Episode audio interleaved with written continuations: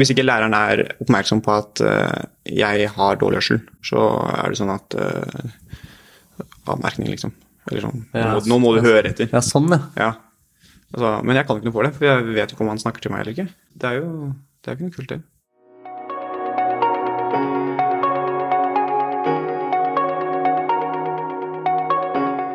Olve hører dårlig, men får likevel anmerkning eller kjeft for ikke å høre etter. Akkurat det må være ganske urettferdig. For hvordan er det egentlig å ha litt dårlig hørsel? Er det bare å ta på seg et høreapparat og så tenke at alt er greit? I denne episoden ser vi nærmere på hvordan det er å leve med et mildt hørselstap. Dette er Inkluderingspodden, og mitt navn er Cliff Balujot.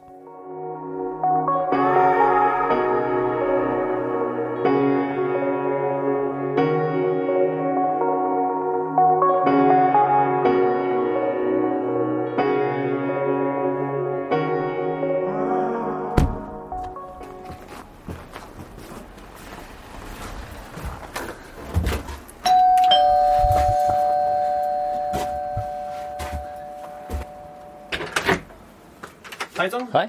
Hei. Olve. Olve. Cliff. Hei. Så hyggelig. Hyggelig. Kom inn. Ja, takk. Olve er en 20 år gammel snekkerlærling fra Kvikne, en liten fjellbygd helt nord i Hedmark. Han var ni år da det ble oppdaget at han hadde hull på trommehinna på høyre øre. Og etter hele tre operasjoner ble trommehinna fin igjen, men dessverre så gikk det kraftig utover hørselen. I dag er han nesten døv på høyre øre og bruker høreapparat. Venstreøret fungerer imidlertid bitte litt bedre enn normalt, og det er lett å tenke at han egentlig ikke har noen utfordringer knytta til hørsel. Ja, det er, det er, liksom sånn. Ja. Du har ett dårlig og ett bra, så hører du uansett, liksom. Mm. Men det er jo ikke det. Så det er jo litt irriterende, da. Ja, folk Det er en, det er en sånn reaksjon som du møter ja. ofte på, eller en holdning. Ja. Mm. Men det er ikke det, sier du? Nei, det, det, er jo ikke, det er jo ikke det sånn det er. Ikke sånn det er. Nei? Jeg vet ikke. Jeg bruker jo masse energi på å prøve å bygge opp det dårlige øret med det gode øret, da.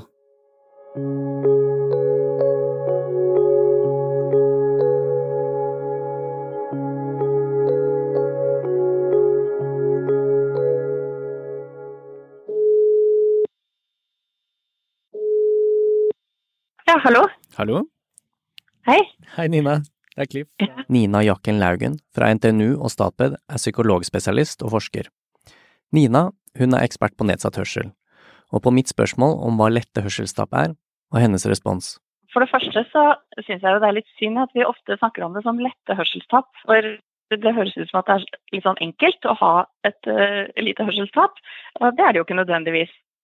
Alle hørselstap er ulike, men litt sånn grovt sett så kan vi dele det opp i milde, moderate og betydelige og alvorlige tap. Et mildt tap innebærer at man stort sett får med seg det som blir sagt hvis man snakker med én person i stille omgivelser. Men så kan det være vanskeligere hvis det er mye støy eller det er stor avstand med den man snakker med. Det kan eh, kanskje tilføre litt hvis man holder eh, hendene for, foran ørene dine, så hører du jo for så vidt hva folk sier, men du må konsentrere deg mye mer for å høre hva folk sier. Altså, I skolesammenheng, når jeg ikke bruker høreapparat, så blir jeg mye mer sliten, for jeg må jo mye mer konsentrere meg på hva som blir sagt. Og jeg må jo bruke mer energi på på en måte bruke det ene øret til å bygge opp det andre. Ja, jeg er mye mer sliten. Mm, ja, du blir sliten av det? Jeg blir sliten, ja. Hvordan merker du det? Er, um, er det vanskelig å følge med, eller? Nei, jeg blir, jeg blir, det er sånn når jeg kommer hjem, så blir jeg trøtt, liksom. Ja, med en gang. Sånn er jo på en måte alle ungdommer, men uh, Men ekstra mye, da? Ekstra mye for meg, ja. Mm. Det er sånn at nå må jeg sove, liksom. Ja. Uh, ja, det, det, er jo en av hovedkonsekvensene, er at eh, man bruker mer kapasitet på det å høre, sånn at man blir mer sliten i løpet av dagen og kanskje trenger mer pause. Er mindre interessert i å oppsøke steder med mye folk hvor mange snakker samtidig, og sånne ting.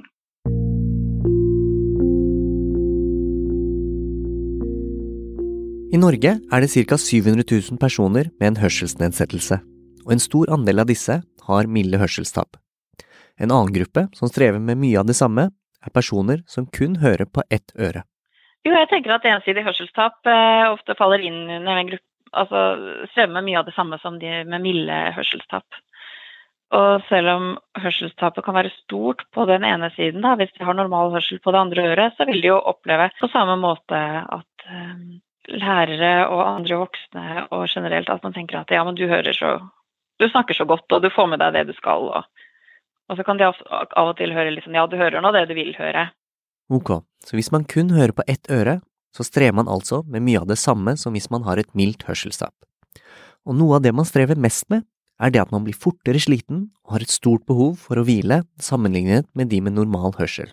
En annen utfordring er å få med seg det som blir sagt i sosiale aktiviteter. Jeg hører jo alt som blir snakket når de snakker én til én, Ja. men når det er mange i rommet, og det er mye bråk, da er det vanskelig å skille lyd. Mm. Er det Mm. Type bursdag, fest bursdag og fest og ja. Ja. Mm, det er litt vanskelig å være i sånne større grupper. For liksom venner, hvis man er liksom veldig mange og sånne ting, da. Kaja er 17 år, fra Nannestad, og har et mildt hørselstap. Kaja er som andre tenåringer flest, hun er interessert i film og musikk og bruker masse tid på venner. Men som vi hører, har hun også noen av de samme utfordringene som Olve. Da blir det veldig liksom sånn uh, mye lir alle steder. Liksom får ikke helt fulgt med på samtalene. For eksempel hvis jeg har bursdag og sånne ting, da. Så må jeg alltid liksom sitte på midten av middagsbordet, eller så får, får jeg ikke med meg liksom Hvis noen andre har en samtale på andre siden av bordet, liksom, så er det, kan det være ganske vanskelig, da. Men jeg unngår det ikke, da. Det er bare det at det er litt vanskeligere å få med seg ting når det er flere som snakker. En vanlig utfordring for personer som Kaja og Olve er at folk rundt glemmer at de må ta hensyn til hørselstapet. Hvis liksom Eller hvis noen sier noe, og så eller liksom, hører jeg det ikke, så gidder de ikke å si det igjen, liksom. Og så da tror de at uh, Jeg liksom bryr meg ikke om hva de sa og sånne ting, men det var, det var egentlig bare av at jeg ikke hørte det. Og liksom noe av det verste det å bli sagt til når man liksom har dårlig hørsel, er liksom bare glem det.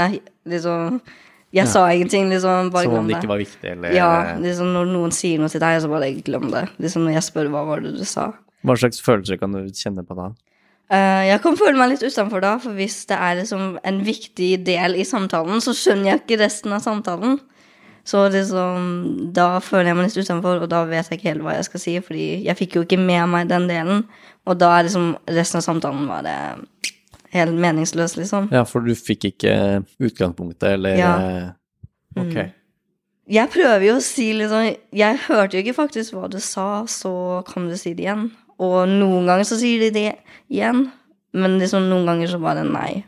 Og liksom fordi jeg ikke hørte det, så tror de jo at jeg ikke brydde meg om hva de sa i det hele tatt. Men hvordan skal de vite om jeg brydde meg eller ikke, hvis jeg ikke engang fikk med meg hva de sa? Mm. Så, ja.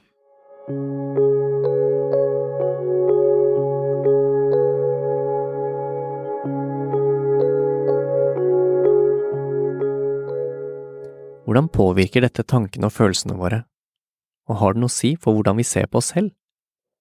I doktorgradsarbeidet til psykolog Nina forsket hun på førskolebarn med hørselstap. Det var jo noe av det jeg eh, så på. Så så jeg jo på det her med psykososial fungering. Disse barna, førskolebarna med milde og moderate hørselstap, om de er mer engstelige enn andre, mer lei seg enn andre barn, mer urolige, mer atferdsvansker, hvordan det er med venner, om det er vanskelig å få venner, om det er vanskelig å komme inn i leken, sånne ting. Og så er det jo sånn at eh, Noen av de barna med hørselstap fungerer jo veldig fint og klarer seg godt og har det bra, men det er veldig mange flere og større andel av de med hørselstap som strever mer med ulike psykososiale områder. Og det gjør jo noe med hvordan barna forstår seg selv også. De tenker jo ikke at ja, nå er jeg så sliten fordi jeg har et hørselstap og det krever mer av meg. De tenker bare at nå er jeg sliten, nå er jeg tydeligvis mye mer sliten enn alle andre barn. At jeg er svakere enn andre, eller jeg forstår ikke så mye som andre. sånn at eh, så barna kan også forstå seg selv på en ganske negativ måte hvis ikke de klarer å se disse tingene i forhold til hørselstapet. Da. Det er altså ikke helt problemfritt med et mildt eller ensidig hørselstap. Men er det noe vi kan gjøre for å hjelpe? Før vi går videre til konkrete tips og råd, skal vi se nærmere på et viktig hjelpemiddel som mange benytter seg av i klasserommet, nemlig lydutjevningsanlegg. Det består av høyttalere og mikrofoner til lærer og elever. Anlegget forsterker lyd, men reduserer også bakgrunnsstøy. Både Olve og Kaja har brukt dette på skolen, men det viser seg at det ikke er like lett å bruke alltid. Bruker de det? Ja, de bruker det. Men eh, de, eh, lærerne har ikke vært så flinke på at elevene skal bruke mikrofonene, da.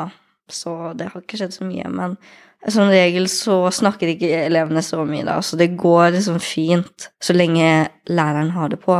Men det er liksom bedre hvis eh, elevene også bruker mikrofonene, da.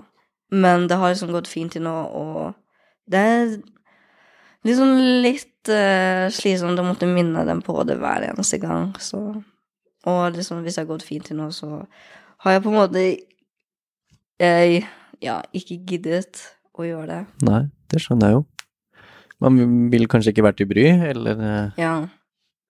Egentlig så er det jo Jeg føler det er lærerne sitt ansvar, siden Ja, eller jeg mener, jeg kan jo si ifra selv, da, men det er liksom læreren som har liksom eller har lederposisjonen da, i klassen og sånne ting. Og så er det jo de som egentlig skal liksom minne folk på ting liksom om å bruke mikrofon og sånne ting. De har på en måte glemt at elevene skal bruke det også. Ja, ikke sant. Så de glemmer det litt? Mm. Men de husker å ta det på seg selv. Men liksom på starten så var de flinkere, men de har liksom Det er liksom bare gått bort, på en måte. Både Olve og psykolog Nina forteller om det samme, og det virker som dette er en ganske vanlig utfordring. Jeg tror det er eh, For mange lærere så er det vanskelig å huske på det her hele tiden, over tid. Hvis man får et nytt utstyr og noen mikrofoner, så kan det kanskje være at man glemmer man det litt. Og så har jeg også hørt spør eleven det gjelder, da, sånn må jeg bruke, skal jeg bruke mikrofonen, eller går det greit uten? Og da er det ikke veldig artig å være den eleven som sier at uh, eleven skal ikke trenge å minne læreren på det. Det skal være en selvfølge at man bare tar på seg mikrofonen, og det er ikke noe styr, det er ikke noe vanskelig. Det er en selvfølge. Det er en selvfølge. Men er det andre pedagogiske grep som læreren kan gjøre? Kanskje det aller viktigste uh, for lærere som får et barn i klassen med et mildt hørselstap, uh, det er å ta det på alvor. Og ikke slå seg til ro med at uh, når du sitter på forreste rad her og ser meg godt, så går alt så fint, og du deltar i timen. Det er kjempeflott. Og så tenker man ja, da er alt greit. Man må hele tida ha med seg det her at det at det fungerer så greit nå, det krever veldig mye av det barnet. Det krever mer energi, sånn at det hele tida har med seg hva kan jeg gjøre for, å, for at dette barnet kan senke skuldrene litt. Få inn fagpersoner, se på utstyr, altså mikrofoner og høyttaleranlegg.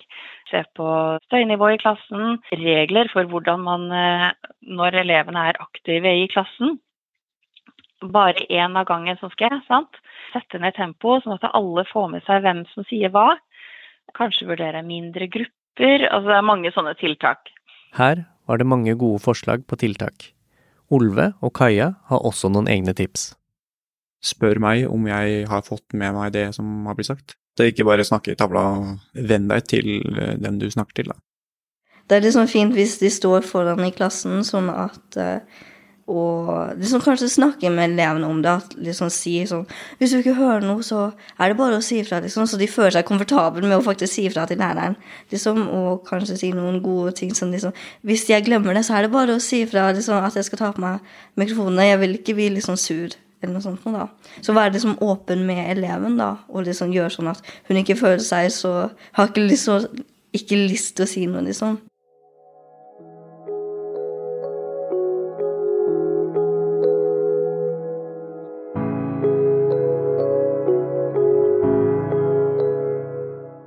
Den siste der likte jeg veldig godt. Åpenhet.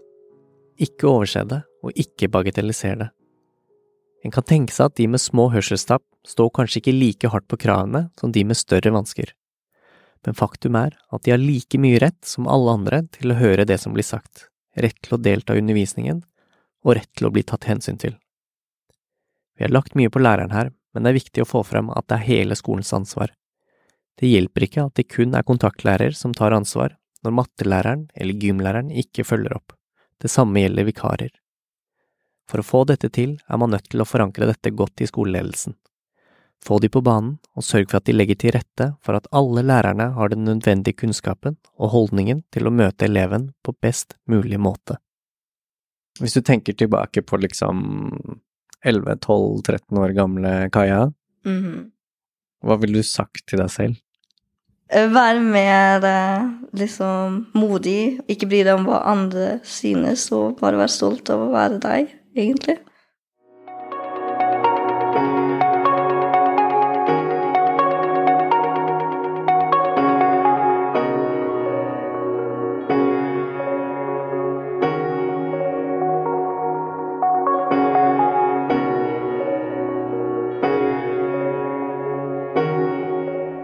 Vil du lære mer om temaet i denne episoden, kan du gå inn på statped.no podkast.